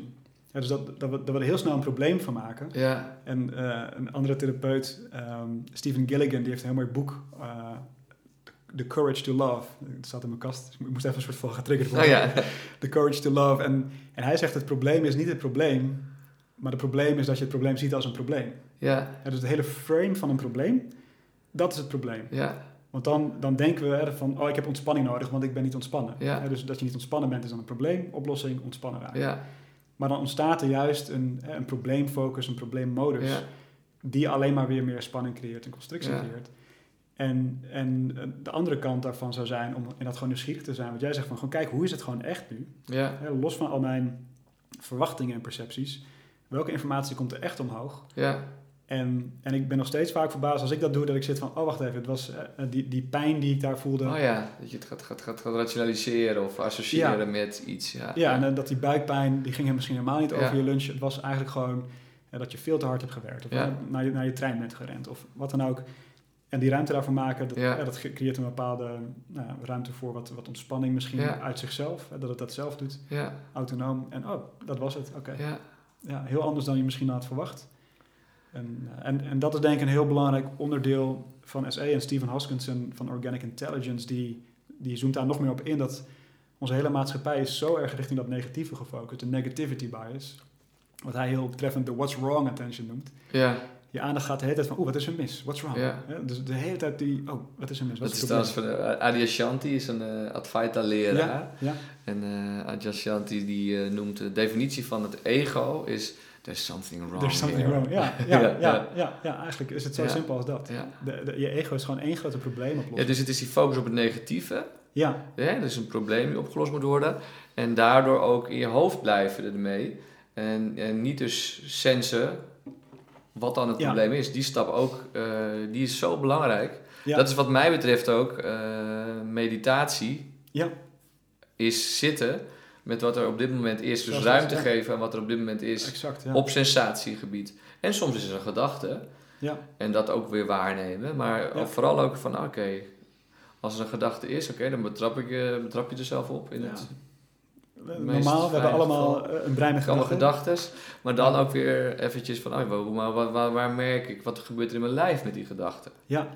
En het mooie daarvan vind ik die, het gevoel van continuïteit die ontstaat. Ja, Ja, dat, dat, eh, ik blijf de hele tijd naar... so- Sorry voor de, kijkers die zich ergeren aan Engelse woorden. Sorry, ik ben zo'n persoon die te veel Engelse woorden gebruikt, maar so be die zijn al gestopt waarschijnlijk.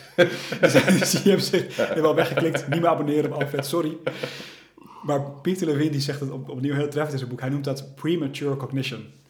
Dus voortijdige cognities, voortijdige gedachtegangen. Ja, Dus, dus ja, die, de ego of de gedachtepatronen, die hebben de neiging om te snel al aan de slag te gaan met beperkte informatie. Dus hè, je hebt misschien één seconde iets gevoeld van, oh ja, ik zie het al probleem Mhm. en ik ga mijn hoofd. En dan, Ja. gaan we, en dan gaan we vooral in die modus verder. En op het moment dat je dat doet, dan stopt even die bottom-up, die van beneden naar boven, die informatiestroom van wat er echt gaande is. ja, Dus je bent met een, met, eigenlijk met een hele andere realiteit aan het werken in je probleemoplossende ego, dan wat de hele tijd nog hier gaande is. ja, En, en, en wat jij net zegt over meditatie, wat daar zo krachtig aan is om de hele tijd terug te gaan van wat, eh, wat is er nu? En Ja. Hoe is het nu? En om steeds meer continuïteit te krijgen in de informatie die door je zintuigen komt, die door je lijf komt. Ja. Waardoor je uiteindelijk ook in je gedachten werkt met de realiteit zoals die echt Ja. is. In plaats van een snapshot van, hè, van één seconde geleden of een minuut geleden, toen je één pijntje voelde en daar gelijk mee aan de slag ging. Ja, het gaat zo snel. ja, Die interpretatie ook van, een, eh, van wat een ander doet, eh, daardoor het persoonlijk nemen. ja. Als ik gewoon één soort van trekking zie in jouw ja. ogen of in je neus, denk ik van Ja. ja, zie je wel. Ja, Net mijn vader. Ja. Ik, dan ga ik nadenken over mijn vader en eh, vroeger. ja. Terwijl het eigenlijk... Afhankelijk van je, van je karakterstijl, van je patroon. Ja, Ehm, van je hele ontstaansgeschiedenis. en Ik heb altijd het voorbeeld wat ook echt is, echt is gebeurd. Een keer dat, me, dat mijn vriendin eh, tijdens een gesprek we waren aan het sharen. Of ik maak het nu nog, nog erger dan het misschien eh, überhaupt was. In ieder geval, ze ging op een gegeven moment even de computer open doen en met de computer bezig zijn. Ja, Feitelijk niet echt een gewelddadige actie, maar voor mijn Mm. systeem was het echt totale disconnectie. Ja. En ik kwam in mijn niet-attunement terecht. En eh, ja. mijn hele traumakolk Ja. werd opgestart. En daar ging ik. En met die attunement bedoel je dat, dat er gewoon aandacht voor jou... Dat, dat, ze, dat het niet in tune was met mij. Dat er zomaar opeens het voelde dat ik eh, eventjes in Oh, ja. termen... Het voelde alsof ik verlaten werd. Ja, ja, ja. En ehm, ja, zo voelde het eigenlijk. Het klinkt heel heftig, even- maar dat, zo voelde het ook. Ja. Dus daar word je dan boos over, ze Ja. ga je redenen zoeken. En, ja. en, en zij werd daar ook voorzichtig. En, en, en, Ja. Terwijl eigenlijk- wat er ge- ge- getriggerd wordt, is iets bij mij... Mhm. ehm, wat niet zij anders moet doen per se. Eh, maar bij mij zit er een stuk wat getriggerd wordt. En, Ja. en, en dat is dan interessant. Maar dat kost wel ook een soort inzicht dat je weet wat er gebeurt. En als je dat nog niet weet, wat ik toen nog niet wist, ja. dan werd het gewoon echt een soort ruzie. Ging boos naar buiten. En wat is er dan? En dan allemaal dingen erbij Ja. halen. En Het voelt zo echt dan, hè? ja, het voelt heel echt. Ja. Het voelt heel, en, het, en, en op sensatiegebied is het ook echt. Dat is natuurlijk het, het, het, eh, Dat is de... het irritante, venijnigen. Ja, ja, ja. het, is, het is zijn echte emoties, echte boosheid. En, het- en bijna ook van, maar dat is ook logisch, wat jij nu, nu net deed. Omdat dit zo'n klein voorbeeldje was, was het voor mij, werd het voor mij wel steeds duidelijker dat het ontkoppeld werd. Van ja, maar ja, het is geen, ze loopt niet rennend weg tijdens dat ik eh, heel iets emotioneels zeg. nee. Het is, het is even de computer open doen. En, Ja. en dus het is dan zo klein en subtiel. dat Ik op een gegeven moment wel Ja. van, hé, wacht even. Ja. Er gebeurt bij mij iets. En dat je- het is zo uit proportie. Geloofwaardigheid ging eraf. Ja, precies. Ja, dat je weet van dit, dit klopt gewoon echt Nee. niet. Het is zo uit proportie. Kijk, als je Ja. mishandeld wordt, is het duidelijk. Ja, dat is heel dan, En, en, en, ehm, ja. En dan nog wordt er iets bij jou getriggerd, maar dat is een andere, andere podcast misschien. Deel 2. Eh, ja. Maar ik, ik blijf het dan zo mooi vinden om, om het uit te nodigen om het te kunnen ontkoppelen. Dat heftige gevoel van, oké, hier zit ik dan, boos. Als ik dat dan niet, dat zie je niet 1, 2, 3 meteen. Nee, nee. En, en, maar wat gebeurt er om het eventjes... Het is echt een soort bom van allerlei dingen. Ja, ja. Om dan eventjes te kijken, oké, maar, maar wat voel ik nu? Oh ja, mijn ademhaling. Ik hou mijn ademhaling in. Ja, En ja. Een beetje rode wangen. En, en, en ik voel ook dit wel, of zo. ja, echt die En als lichamelijke... je dat dan voel, gaat voelen, dan, dan is het eigenlijk... Ik merk het nu ook, dan gaat het eigenlijk al ontladen. En dan ja, ben je er alweer eh ja. uit. ja, dat is het mooie ervan. Hè? Dat, dat, eh, voor mij was het heel lang paradoxaal en voor veel cliënten ook. Dat juist door dat toch even te voelen, Ja, kan het ook weer verder gaan bewegen. ja, En, en, en je wil er vaak niet, niet heen als mensen, omdat het voelt van ja, maar dan ga ik juist naar dat vervelende gevoel. Ik wil in mijn overtuiging blijven dat ik wel ja, gelijk ja, heb. ja. Maar net even daarheen stappen, wat jij zegt inderdaad van, dat het gewoon in beweging komt. Een komt microdosis van het vervelende gevoel. even ja. een microdoos, gewoon heel eventjes, maar dat je net genoeg voelt van, oh, het verandert ook al gelijk Ja. weer. Precies. En misschien wordt het net even iets meer, maar daarna wordt het ook alweer anders of meer. En dat die armen die opeens mobiliseren, als je het technisch zou noemen, of, of meer, hè, in een soort van actiemodus gaan die daarbij past Ja. blijkbaar. En, als, en, dat zet, en dat ervaar ik, eh, eh, ik ken relaties, ik heb zelf ook zoveel momenten Mm. gehad van mezelf vastzetten op, op zulke manieren. En eh, als je dat niet doet, als je niet daarna gaat kijken, dan, ja, dan dat voelt zo onprettig. Het zit zich vaak heel Ja. vast in je kern en dan voel je je helemaal niet meer lekker en vitaal. Ja, Je- ja, ja. Je longen lopen, die voelen zich gespannen en je- en hart gaat snel. En dat is gewoon heel vervelend dat je vitale gebieden zo strak voelen. En als je dan net even dat ruimte geeft om een klein beetje als naar in je armen te komen of even Ja. Op een andere manier te bewegen, Ja. dan, dan er gaat al een beetje druk van de ketel. Ja. Ja. En, en soms lost het zich spontaan ook op natuurlijk. Kan, dat kan ook nog eens. Hè, dat het gewoon dat het al genoeg expressie ervan is om te voelen van oké, dit, dit moest even zo gezien worden of eh, Ja. ervaren worden. Ja. Ja. Ja, dat, dat, zo is het dan anno 2020 met mij en mijn vriendin. Dat ik eh, Ja. dat dan kenbaar maakt van, van goh, ligt niet aan jou, maar er gebeurt hier heel Maar veel. het is er wel, ja. Mijn patroon is even weer bezig. ja. En eh, afhankelijk van waar zij is, ga ik dan of even weg, of, eh, of zij kan space ervoor zijn. Ja. En oké, wat wat merk je dan? En, en, en, eh, dus ja. Ja. en dat is, dit is inderdaad de druk van de ketel. Dat is een goede, goede volkse Ja. manier van zeggen van... Zo, zo voelt het. ja, ja. Dat, is, dat is letterlijk hoe het voelt. Ja. Het echt even, ah, ja. ah weer ademhalen. Ja, ja, ja. ja. Ja. En het is mooi als wij hier gewoon over praten, hoe onze, onze lichamen hier nu al in meedoen. Ik denk Ja. ook voor kijkers die dat heel erg kunnen observeren bij ons ook, dat het is zo'n levendig proces, dat zelfs al- als wij het gewoon nu even benoemen, zo'n herinnering of zo'n moment, je ziet nu al dat het Ja. lichaam daar weer in meewerkt en meedoet. Dus zo, zo erg eh, levendig en veranderend is het dus ook. En dat het nu alweer een beetje Ah, dat is mijn eh, Ja. camera daar. Ja, Eh, zo zo levendig is het en zo, zo, eh, zo beweegt het gelijk alweer een stukje door. ja, En dat is denk ik de, de, grote, ja, de grote key, dat het zich niet meer vastzet. Want dan krijg je de ontploffingen Ja. of dat je gek wordt voor je gevoel of naar buiten wil rennen. ja. Ja. Ja, ik merk nu dat er bij mij een beetje afleiding is door de camera ook, inderdaad. Een piepje. Dat is een vrij intrusieve Ja. piep. Ja. Ja. En het is ook oké. Het is gewoon even afleiding. Maar dat is... eh, Ja. Een gezonde oriëntatie Ja. op, eh, ja. op wat er hier in de ruimte nog Oh ja, dat kwam net ook bij me binnen toen je aan het vertellen was van hoe we hier nu zitten en kijkers thuis. En, maar dat ik ook merk dat het soms dat het eh, zo'n verschil is of je met iemand praat, die, Mhm. of het dan zeg maar zenden is en dat er.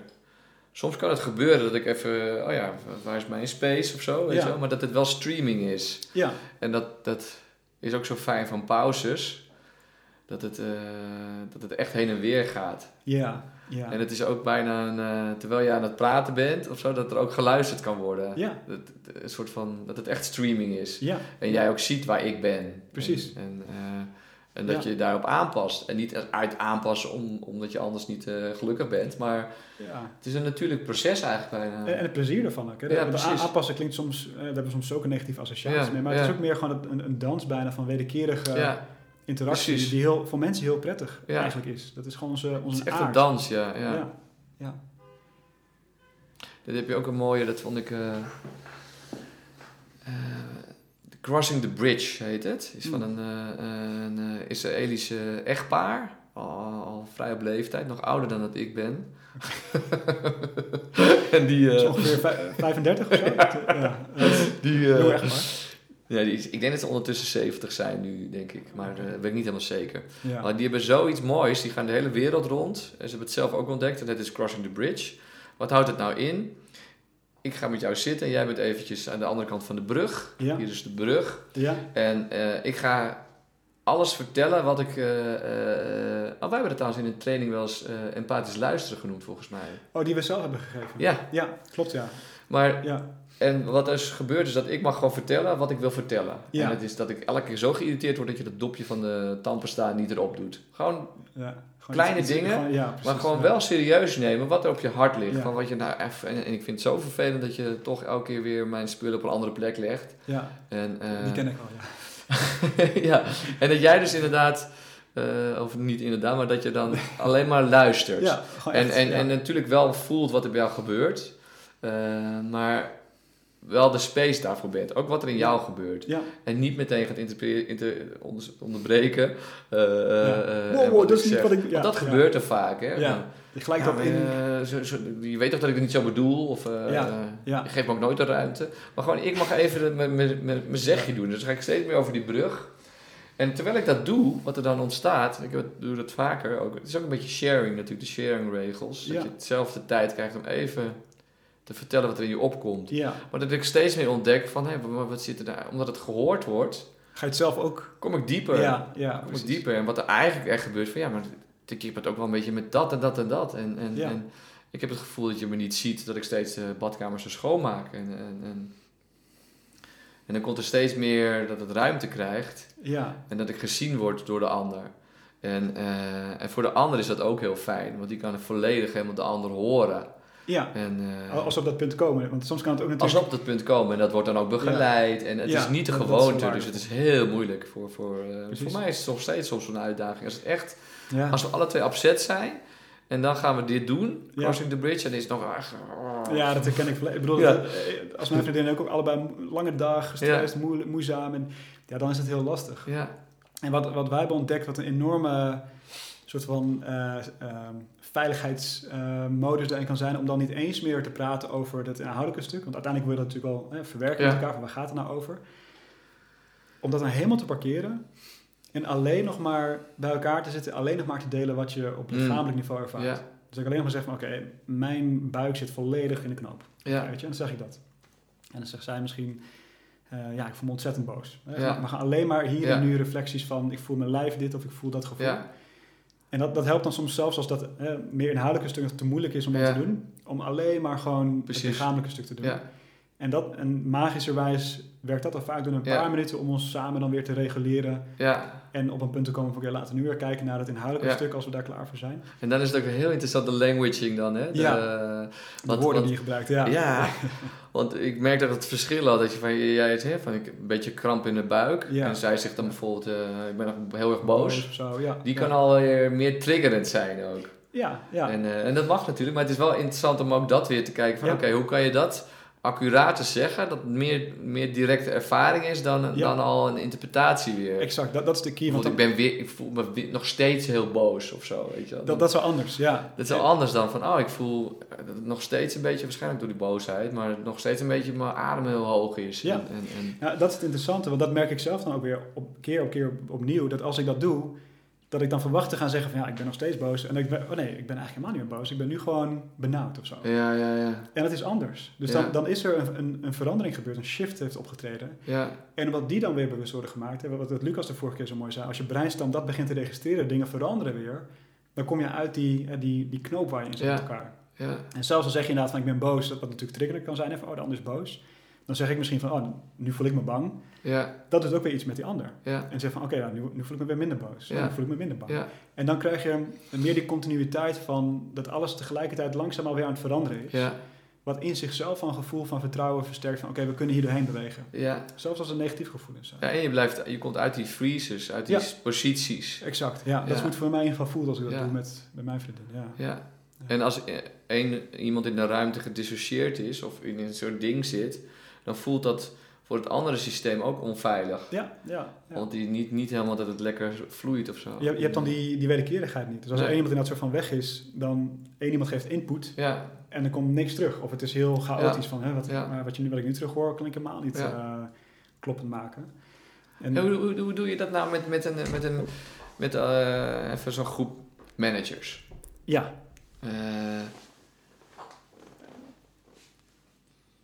wat is jouw oefening die het beste werkt om mensen weer een beetje die, dat, uit die freeze te komen en uit het spanningsveld en, en als te kunnen droppen, te kunnen ontspannen in een zaal met een mannetje of twintig, mm, mannetje vrouw twintig, ja gemengde groep. Ja, gemengde gewoon, gewoon even eh, alle, alles, alle soorten mensen. Dat je allemaal weer mailtjes krijgen. Goede steekproef, ja. Ehm, dat ligt heel, heel erg denk ik aan de setting natuurlijk, wat we aan het doen zijn. Mijn, eh, ehm, ik wou bijna weer een Engels woord gaan gebruiken, ik ga dat nu even niet doen, maar gewoon mijn, mijn standaard eh, start met een groep is altijd de oriëntatie. Vind je het leuk om nu te doen? Sure, ja. toch even een Engels woord.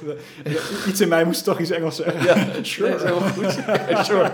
Zullen we do dat? eh? Ja, tuurlijk. Ja. Zullen we Oké, gewoon... ja. Dan doen we even een spontane Ja. oefening Oké. van Bas. Daar gaan we. Nou, de oriëntatieoefening kun je op allerlei manieren doen. Maar de basisinstructie is heel simpel. En dit is hoe Stephen Hoskinson hem heeft eh, soort van ontwikkeld. Ik wil hem eh, uit- uiteraard daar de credits voor geven. Dus als je het interessant vindt, kun je hem zeker een keer opzoeken. Stephen Hoskinson. Die zegt de basisinstructie voor oriëntatie is verbinding maken met de omgeving via de zintuigen. Hm. En het belangrijke aan die instructie is dat het gaat over verbinding maken met de omgeving via de zintuigen. Dus het verbinding maken is heel, heel erg essentieel, want je kan natuurlijk gewoon rondkijken. Oké, ik kijk gewoon rond. Maar dat is iets anders dan echt verbinding maken met de omgeving. Dus laten we dat gewoon eens proberen, de Oké. kijkers en luisteraars thuis. Probeer eens echt jezelf de tijd te geven, dat je niks hoeft te doen nu, behalve bijvoorbeeld je ogen te laten kijken waar ze zelf willen kijken. En zodat ze echt verbinding maken met datgene wat ze zien.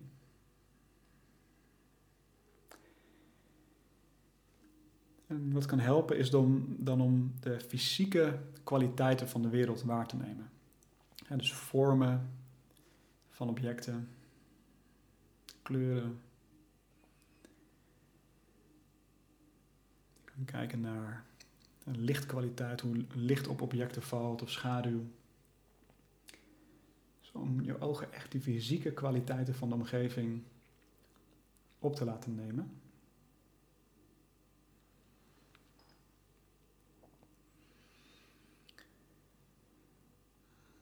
En dit in zichzelf is al de moeite waard om een tijdje te doen. Maar laten we een, een tweede stap daaraan toevoegen, die ik ook vaak hier aan koppel in trainingen bijvoorbeeld. Terwijl je zo aan het oriënteren bent, dus terwijl je ogen gewoon aan het kijken zijn waar ze willen kijken, om dan daaraan toe te voegen een, een soort van intentie om eens te kijken of je ogen kunnen kijken naar iets wat ze plezierig vinden. Of prettig, of eh, mooi, positief. Maar in, in de basis gewoon iets wat je plezierig vindt. Het kan er gewoon simpelweg een kleur zijn, of een bepaald object, een persoon.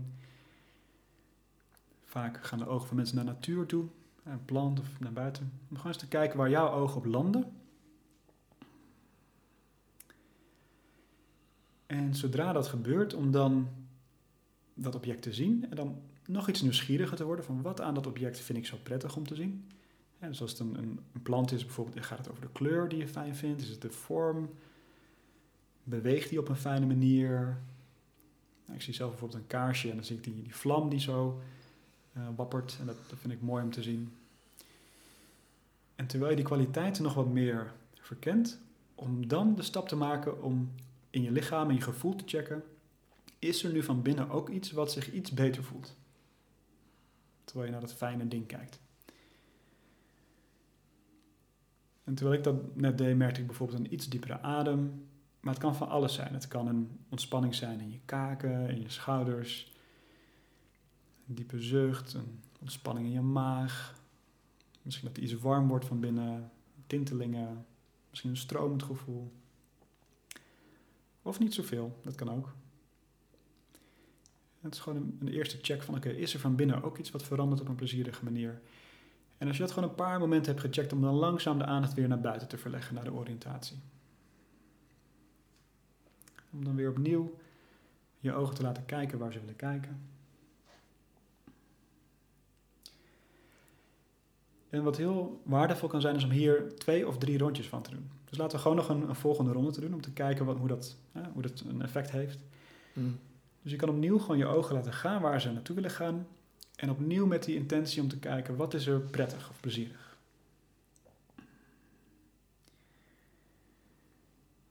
En ook dit keer kan het weer een kleur zijn of een object, een persoon, iets natuurlijks. En ik merk bijvoorbeeld dat ik naar een paar foto's kijk en gelijk komt er een diepe zucht op. En dat kun je voor jezelf ook weer checken. Terwijl je ogen weer landen op iets van wat plezierig is, om weer van binnen te checken wat voelt er nu iets beter van binnen. Opnieuw is er een ontspanning, is het iets in je ademhaling, wordt iets warm, is het meer een emotie van plezier of van ontspanning of van vrede. En om daarna heel langzaam weer die overgang te maken naar buiten met je aandacht. Voor een laatste ronde, om nog een laatste keer je ogen weer te laten kijken waar ze willen kijken. En opnieuw om ze te laten landen op iets wat ze plezierig vinden of mooi.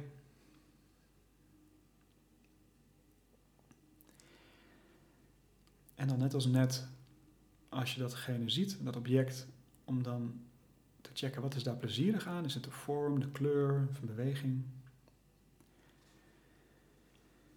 En opnieuw dan van binnen weer te checken, wat voelt er in mijn lijf of in mijn gevoel iets beter als ik het plezierige object zie. Het kan opnieuw een gevoel zijn of een lichamelijke respons, beweging, reactie. Van een ontspanning tot een zucht, tot rommelende darmen. Ik merk zelf bijvoorbeeld weer een diepe zucht. En dat is voor mij het signaal van oké, dat is het effect. En dan ga ik weer opnieuw voor een laatste keer met mijn aandacht naar buiten in de omgeving. Nog een laatste keer te checken. En nu misschien in het geheel. Van hoe zit ik er nu in zijn geheel bij? Hoe ziet de wereld er in zijn geheel uit nu voor mij? Ja. En om te kijken, is er een verschil in hoe je nu door je ogen naar buiten kijkt?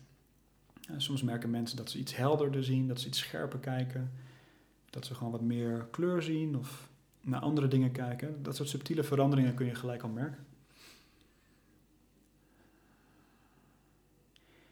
En dit is een, een relatief veilige, simpele oefening om in korte tijd je zenuwstelsel te helpen te reguleren.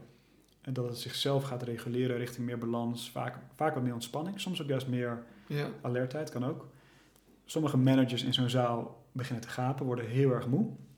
Wat, eh, eh, dat noemen we wel eens grappend in deze methode, dat is diagnostisch voor dat systeem, hè, dat die persoon waarschijnlijk stress heeft opgestapeld. Die nu de kans krijgt om zichzelf te tonen van wow, ik ben eigenlijk zo moe. Ja. Ik heb echt behoefte aan zo'n herstelmoment om echt even hè, te dippen in een, diepe ontspanning, om daarna weer daaruit te komen. Maar mooi dat het in zo'n setting dan ook eh, Ja. Dat kan zelfs daar. gewoon gegaapt kan worden. Hè? Ja. Dat- dat- En dat Ja. ook, ja.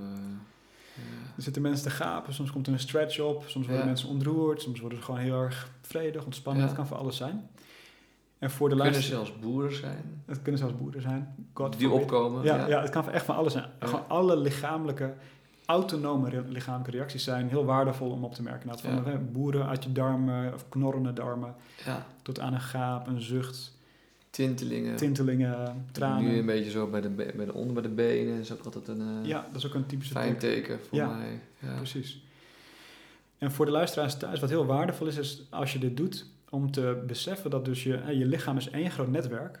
En op het moment dat jij buiten iets waarneemt dat veilig is of prettig is, dat het bijna gelijktijdig van binnen een effect heeft. En dat is eigenlijk een, de definitie van integratie. Hmm. Ja, dat een, een, een prettig iets van buiten, een hulpbron zou je dat kunnen noemen, van binnen gelijk al in een, een ander deel van het netwerk van je lijf, van je biologie, een effect heeft. Hè, in zo'n zucht of in die tintelingen. Dus dat, dat vertelt je van, hé, hey, er, er gebeurt gelijk iets. Er is iets in beweging. En dat is opnieuw waar we de hele tijd naar zoeken. Die beweging die terugkomt van, oké, meer ontspanning bijvoorbeeld, of rust, of plezier, of veiligheid. Of, ja, dat er iets weer in beweging komt in een positieve richting over het algemeen. ja, dus je kijkt naar iets.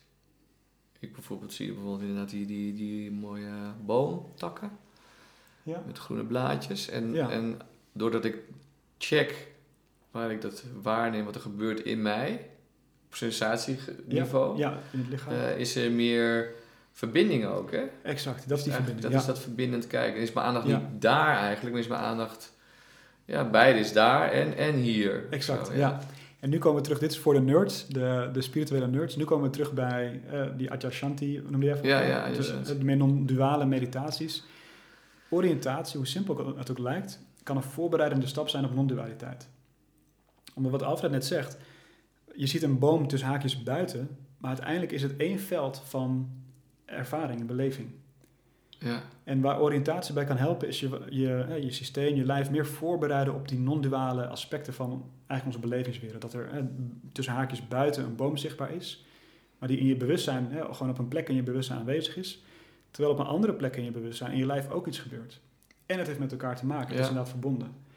En dat, en dat vind ik het mooie aan oriëntatie. Het heeft zoveel lagen, tot aan hele diepe spirituele lagen, waarin het eigenlijk eh, een- dienstbaar is ja, ja. ja. omdat uiteindelijk, eh, dat is in ieder geval hoe ik zelf naar spiritualiteit kijk, uiteindelijk wil je een groot deel van de tijd ook echt georiënteerd zijn in het hier en nu. En in verbinding leven met dat wat Ja. er is, met andere mensen, met Ja. je omgeving. Ja, want het gave is, het mooie is, het is niet een soort van, oh, dat wil ik heel graag als ambitie. Nee, van dat vastgrijpen. maar het, het, is, het, is, het is gewoon zo lekker om je veilig te voelen. Dat is gewoon heel Want dat fijn. brengt het. En dat vind ik wel mooi. Je maakt ook het bruggetje even met Advaita. Ja, En, en wat het oriënteren betreft, om weer, weer Pieter Levine ook te noemen, waar hij heel erg naar keek natuurlijk, is de dieren. ja, Hoe de dieren zich eh, reguleren. Een hert is net in een freeze toestand geweest omdat een tijger erachternaast zat. Of een antiloop dan waarschijnlijk. ja. En ehm, die doet net alsof hij dood is. Zit in freeze. precies. Ja. En wat er gebeurt als hij weer een soort van gevoel van veiligheid krijgt, wat een eerste signaaltje, hij gaat dan om zich heen kijken, heel voorzichtig eerst. Ja, Dat zijn ook mooie filmpjes van op ja, YouTube. ja, En dan gaat hij eerst zo kijken en langzaam gaat hij zich steeds meer oriënteren. En door het oriënteren krijgt het lichaam het signaal, exact, ja. het is weer is veilig. weer veilig, ja. En dan gaat hij releasen, dan gaat hij trillen. Ja. Nou, hij kan niet gapen, maar Ja, er gebeurt wel een soort, soort zucht vaak. ja, hele diepe ademhaling komt er vaak. Soms Dus je trickt eigenlijk het systeem een klein beetje door te gaan oriënteren, om daarmee te beginnen. Exact, dat je lichaam eigenlijk vanuit onderuit het gevoel, het signaal krijgt, het is weer veilig. En dan kan je ontladen. Exact, ja. Ja, oriëntatie is, dat, dat was voor mij een van de meest bijzondere dingen om te horen in de opleiding. Oriëntatie is het begin en het einde van de stressrespons. Ja, Dus eh, als, je, als er een gevaar is, dan begint het met die startle-reactie. Je schrikt en dat is, dat is een eerste oriëntatie van, oh, wat gebeurt er? ja. oh, het is aan de hand. Dat is een hand, dat is een oriëntatie. En als je daarna weer veilig bent, dan is er een heroriëntatie, een verkennende oriëntatie. Van, Ja. Oké, hoe is het nu hier? Wat is er nu Ja. aan de hand? Maar altijd begint en eind- eindigt het met oriëntatie. Dus hoe meer je dat, hè, dat neurale netwerk, eh, de, de spieren en de zenuwbanen van oriëntatie beoefent, hoe makkelijker je dus in en uit stressresponsen kan gaan. Oftewel, Ja. hoe beter je kan reguleren. Tot aan inderdaad, zelfs dieren die Ja. en natuurlijk echt gewoon gegrepen worden als je een keer echt een ongeluk hebt. Als jouw oriëntatiesysteem goed getraind is, dan heb je een grotere kans dat die eh, online blijft. De ventral vagus, heel technisch gezien, dat die online blijft. En dat je dus minder getraumatiseerd uit moeilijke ervaringen komt, of zelfs helemaal niet. Ja. Ja, ja, en die simpelheid ook. Hè, daarvan. Ook dat oriënteren, dus dat je lichaam dat signaal krijgt. precies. Ook zelfs alleen al, net heb je dat eh, mooi gedaan met, vind ik, met die oefening van echt verbinding maken met wat je ziet. Ja, Eh, en, en, en zelfs alleen al die beweging doen. Eh, ik doe het Ja. soms wel eens in een groep met mensen ook, om ook eventjes... En kijk maar even om je heen wie eigenlijk naast je Ja. zit en wie weer rechts naast je zit. En iedereen is dus ook weer dit aan het doen. ja. Waardoor je er ook weer wat meer hier komt om, om, om veiligheid te, te creëren. En dat is het mooie. Dus, dat hoef je niet eens aan een groep kenbaar te maken dat we daar aan het doen Nee, zijn. Maar nee. hoe je mensen stuurt in hun aandacht kan al helpen. En Ja, omdat dat oriëntatiesysteem, dat heeft Stephen Porges helemaal in kaart gebracht. We weten dat het ja, zenuwbanen heeft in je, in je ogen. Hè, dus ook al je ogen bewegen helpt mee. Stem gebruiken, je nekspieren dat die Ja. je noemde, dus het ro- rondkijken. Hoe meer je mensen hun hoofdgebied, hun ogen en hun stem kan laten gebruiken. En hun oren. Hoe meer dat sociale systeem geprikkeld wordt. Het Ja. social engagement system, het, het verbindende Ja. systeem. ja, dat is je stem inderdaad, hè? En Ja. je kaakspieren. en Kaakspieren, ja. dat je dat allemaal weer, dat die online mogen komen, dat die uit de vries mogen komen. Ja. En dat hoor je heel vaak in, in bedrijven en in, in ehm, eh, nou, de, de, de werksetting. Dat, dat mensen, die hebben vaak zoveel spanning in die kaken. Ja. En, en, en mensen zeggen van, oh, ik voel opeens, eh, mijn kaken voelen opeens heel ontspannen. Gek, of ik voel tinteling in mijn kaken. ja, ja. En die hebben waarschijnlijk gewoon met de kaak op elkaar achter een toetsenbord gezeten dag. Of misschien al maandenlang. En die kaken zijn, dat legt Pieter Levine helemaal uit, dat, zijn, dat is niet alleen natuurlijk hè, om, om te, te kauwen op, op eten. Het is ook een belangrijke spiergroep psychologisch gekoppeld aan gezonde agressie. aan ja. boosheid. Ja, En, en nou, het bedrijfsleven is een van de omgevingen waar er zoveel moeite is met boosheid. Hè. De Ja. ene persoon die, die ontploft alleen maar, is te, Ja. veel, te veel en gepolariseerde boosheid. Anderen houden het heel erg in omdat ze bang Ja. zijn. Dus, dus er is zoveel spiergroepen die met boosheid samenhangen, die zitten vast. En puur zo'n oriëntatieoefening kan dat al een beetje losmasseren van binnenuit als het ware. ja, Wat mensen dan ook teruggeven, wat je dan hoort van oh, mijn kaak gaan tintelen of worden ontspannen. Of, of mijn nek inderdaad laat los. Soms, eh, als je je kaak heel erg vastzet, dan gaan al die spieren daaromheen ook meedoen vaak. Ja. En, en zo'n simpele oefening kan eh, vanuit de zelfregulatie die we natuurlijk aanspreken, zoveel effect hebben op al die Ja. spiergroepen daaromheen. ja. Ja. Zonder dat je naar trauma's hoeft te gaan of het verleden induikt. Ja, ja, juist ja. oriënteren niet. Absoluut, ja. Ja. Ja. Wat ik zelf ook altijd heel fijn vind met, met mijn gezicht, is gewoon mijn handen zo even zo op mijn ogen Dat is ook doen. wel lekker, ja. Die warmte te voelen en de ontspanning en een beetje zo echt zo echt het losmaken. Ja. Dat geeft mij meteen altijd al een... eh, Ja. Ik had een, een cliënt uit eh, Turkije op een gegeven moment en die, en die, had, die deed het heel veel. En ik, ik, ik was super blij, want het is heel Ja. fijn als je dat, je een cliënt ziet doen. Die is zichzelf aan het masseren, die masseert juist al die gebieden die we online willen hebben. Ja, Eh, online bedoelen we dan mee gewoon actief maken. Ja, Eh, en ik zeg hem, ja, wat, wat fijn dat je dat gewoon doet. En hij zegt van, ja, ik verbaas me over dat, dat jullie in Nederland zo weinig aan jezelf zitten. ja, ja, ja. Weet je, dus hij komt uit een cultuur waar het heel normaal is om gewoon jezelf te masseren en gewoon aan je gezicht te zitten en, en knuffelen en noem maar op. Ja, we zijn sowieso touchfobisch. En we zijn zo touchfobisch hier dat we Ja. niet aangeraakt willen worden of durven aan te raken. Of hè, dat we daar heel erg van terugschrikken. En dat is zo, dat ons zo verarmd. Ons, ons lichaam Ja. is, zo, is zo verarmd op het gebied van aanraking en, en contact. Nou, dit is ook wel een goede tip natuurlijk ook nog steeds in deze coronatijd. Ja, ja. Ehm, ja om, om maar je kan natuurlijk niet een ander aanraken. En we zijn sowieso een beetje touchfobie. Eh. Zeker volgens mij wel in Nederland heb ik het idee. Als je internationale workshops gaat, is het toch altijd... eh, de Nederlanders zijn wel het meest... eh, oh, Wow. sorry. Ja, oeps, sorry. Ja. Eh, maar dat je inderdaad heel goed, doe ik met cliënten ook, gewoon heel goed jezelf aan kan raken. Of, of dat ik de cliënt zichzelf aan laat raken. Ja, gewoon jezelf Eh, touchen inderdaad, allerlei ja. posturen aan kunnen nemen Ja. die fijn zijn. En inderdaad zeker twee gebieden bij het gezicht is gewoon heel fijn om dat gewoon wat losser te maken. En weer even, je voelt het gewoon gelijk ook bij je kaken. Ja, En ook eh, de buik, daar zit natuurlijk zoveel. ja, ja. Bij mij zit er extra veel. Maar, Veel, veel goede dingen. Als je daar, als je je hand op je buik legt, en voor sommige mensen is dat gewoon too much, en dan, is, dan moet je dat respecteren. Ja, ja. En als het wel te doen is, dan is het heel fijn om, de, om, om, om met een intentie ook van, voel maar de, de, de, de ja, de zachtheid van je handen en de zachte uitstraling Ja. van je handen. Ja. En, Ja, gewoon echt, echt eh, jezelf inderdaad verwelkomen bij Ja? Gewoon je eigen, oh ja, dit zijn mijn benen, mijn armen, mijn buik. Ja, dus jij noemde dit ook wel eens toch het, het, het, derde brein, of noem je dit ook alweer? De ja buik? klopt. Eh, Tweede of derde brein. Ja, ja, ja. ondertussen Je drie, ziet er eh, zoveel... Ja, we hebben een heel neuraal netwerk om onze darmen heen. En, Ja. en dat, is, dat is Ja, ontzettend belangrijk, ook in ehm, het voelen van veiligheid en gevaar. ja. En onze darmen zijn er heel belangrijk in. Ja. Bas, Ja. ik weet niet hoe jij erover denkt, maar ik vind het wel eh, mooi zo. ja, we hebben een hele mooie ronde Ja, gehad. ja. Volgens mij langs allerlei interessante Ja. onderwerpen. En ik krijg af en toe al mailtjes van. Ik vind het heel interessant. En, eh, en eh, ik wil daar nog meer over weten, daar nog meer over weten. Maar ik vind ook wel eh, ruim een uur steeds is ook wel, ook wel genoeg, goed. Ja, Ja. ook wel goed. Zeker, ja. We kunnen altijd nog een keer later doorpraten hierover. Ja. Ik denk dat we veel hebben aangeraakt Ja. qua onderwerpen. En, eh, Ja, ja. ik dank je wel. ja, dankjewel dat je hier naartoe bent gekomen. Ja, voor, de, voor het Heel graag en voor de gedaan. uitnodiging. Ja. En ik hoop ook voor iedereen dat, eh, mocht, het nog, mocht je dit horen en het is nog steeds coronatijd, dat eh ene kant dat het snel voorbij is. En aan de andere kant dat we ook nog wel even goed kijken nu wat er wel ook bijzonder aan deze tijd is. En ehm, hoe we voor onszelf kunnen zorgen. Door bijvoorbeeld ook met jezelf te zitten en, en, en met elkaar toch ook te zoomen. Mhm. En eh, om contact te houden. Ja. Wel zeker contact te houden met elkaar. Ja. En ik geloof ook wel dat dat nu ondertussen wel gebeurt. Maar ook wel te genieten van de, de patroondoorbreking die er massaal gebeurt. Wat ook wel weer eh, soms een beetje paniekerig en eng is en spannend. ja. Maar het is ook wel, we laten ook wel met z'n allen zien dat we opeens op een hele andere manier gewoon ook kunnen werken en leven en zijn. En, Ja. en, en eh, wat ook wel echt nodig is. Eh, ook vanwege het milieu. En, eh, maar vooral geniet van alle oefeningen die je al op eerdere podcasts ook hebt gehoord en die je nog meer hoort. Er is zoveel te, te, te zien en te horen. Iedereen die dat bijdraagt is mooi. En ik zou zeggen, doe het lekker. En eh, laat gewoon wel zijn, zijn wat er is steeds. ja. En eh, als En- basis. En blijf oriënteren. Zeker ja, Ik heb ook veel trainingen zijn nu online gegaan, dus veel gesprekken met, eh, met professionals en mensen die veel thuiswerken, kenniswerken zijn. En je, je, in computerwerk is per definitie desoriënterend. Ja. Je bent dan in een virtuele ruimte. ja, Dus juist nu is oriëntatie zo, Ja. zo belangrijk om te gaan doen als een...